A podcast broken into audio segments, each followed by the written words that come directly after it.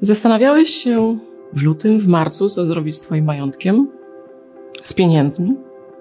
A może od dawna masz już środki zainwestowane za granicą, bo wiesz, że dywersyfikacja to ważny aspekt. Nie można wszystkiego trzymać w jednym miejscu, zwłaszcza w obliczu obecnych ryzyk geopolitycznych, które dotyczą Polski. Wojna na Ukrainie.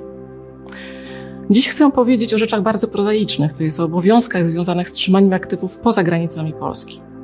Będę mówiła o aktywach płynnych. Z czym wiąże się rachunek bankowy poza granicami Polski? Jakie obowiązki podatkowe wiążą się z posiadaniem rachunku za granicą? Czy trzymanie środków finansowych poza granicami Polski oznacza poufność tych środków? Będę mówiła też o przepisach dewizowych, o których rzadko kiedy pamiętamy.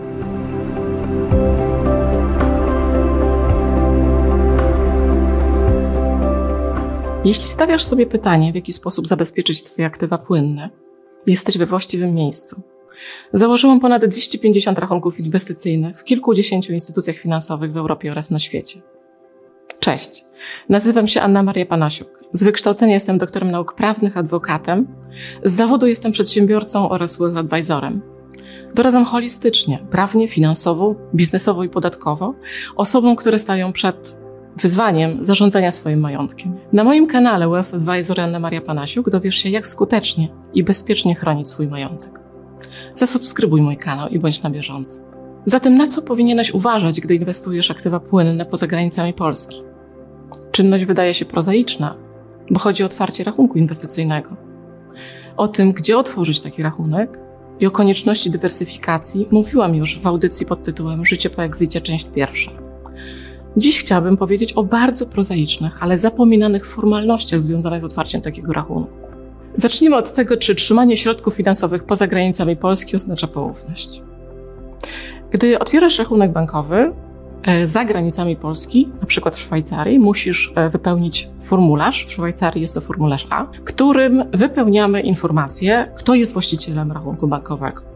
Jest to dość oczywiste w momencie, kiedy jest to Twój rachunek prywatny, natomiast w momencie, kiedy otwieramy rachunek bankowy dla podmiotu, na przykład dla spółki, taki formularz A wskazuje o tym, kto jest beneficjentem tych środków. Taka procedura obowiązuje w Szwajcarii od kilkudziesięciu lat. Ale od 2016 roku obowiązuje automatyczna wymiana informacji. Co to dla Ciebie oznacza? Informacje, jakie podajesz co do właściciela bądź beneficjenta rachunku bankowego czy inwestycyjnego, są automatycznie wysyłane do kraju, który wskazujesz jako miejsce swojego zamieszkania.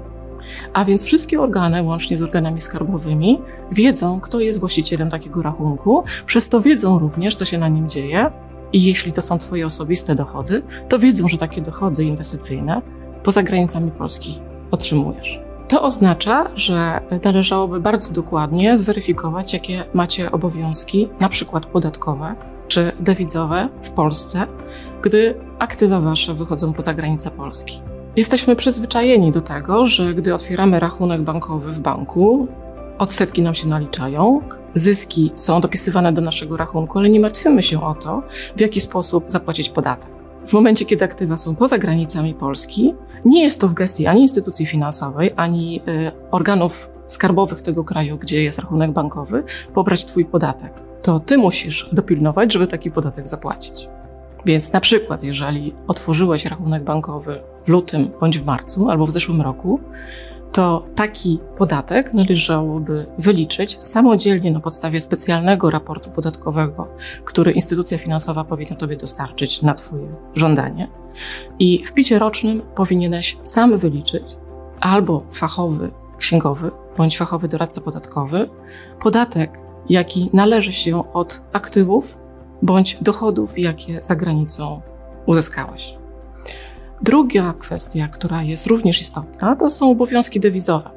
Wszystkie aktywa, na przykład kupno nieruchomości, zaciągnięcie pożyczki bądź otwarcie rachunku bankowego poza granicami Polski, należy zgłosić do Narodowego Banku Polskiego. W sytuacji, kiedy te aktywa wynoszą co najmniej 7 milionów złotych, to taki obowiązek posiadasz kwartalnie. Spotkałam się z opinią, że nie trzeba takiego obowiązku w Polsce wykonywać. To znaczy, nie trzeba wysyłać do Narodowego Banku Polskiego deklaracji dewizowych.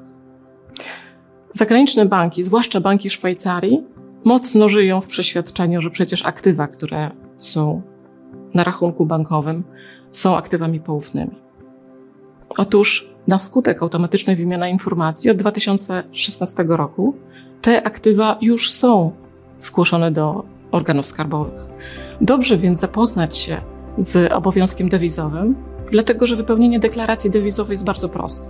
Może to zrobić księgowa, trzeba tylko o tym obowiązku pamiętać. Zgłaszamy saldo otwarcia i saldo zamknięcia na koniec każdego kwartału. Jeszcze jeden aspekt, y, z którym wiąże się posiadanie rachunku bankowego poza granicami Polski. Gdy jesteś rezydentem podatkowym w Polsce, w Polsce posiadasz majątek, w Polsce posiadasz rachunek bankowy, to naturalnym jest, że spadek czy cały proces sukcesji będzie rządzony prawem polskim. W momencie, kiedy dywersyfikujesz majątek, wychodzisz poza granice Polski, na przykład otwierasz rachunek bankowy w Szwajcarii albo Wielkiej Brytanii, to musisz się liczyć z tym, że do Twojego procesu sukcesji czy do Twojego spadku mogą się odnosić już przepisy różnych krajów. Szczególnie jeśli do tego dołożysz robienie biznesu poza granicami Polski lub zmianę miejsca zamieszkania. Dlatego warto na tym etapie zatrzymać się, sporządzić testament i poddać sukcesję pod rządy prawa polskiego. Reasumując, wychodząc za granicę, pamiętaj o kilku prozaicznych, ale ważnych obowiązkach związanych z otwarciem rachunku bankowego. Ma to znaczenie zarówno, gdy jesteś nadal rezydentem w Polsce, staje się jeszcze ważniejsze, jeżeli decydujesz się na wyprowadzkę z Polski. Dziękuję za pozostanie ze mną do końca. Mam nadzieję, że moje podpowiedzi okażą się pomocne w planach otwarcia rachunku bankowego za granicą. A jeśli już masz taki rachunek, to wiesz teraz, czy wszystko jest jak należy. Zapraszam do subskrybowania kanału Wealth Advisor Anna Maria Panasiuk poprzez kliknięcie przycisku poniżej, a także do komentowania odcinków. Chętnie na każdy komentarz odpowiem. Mój kanał jest dostępny na YouTube, Spotify i Apple Podcast.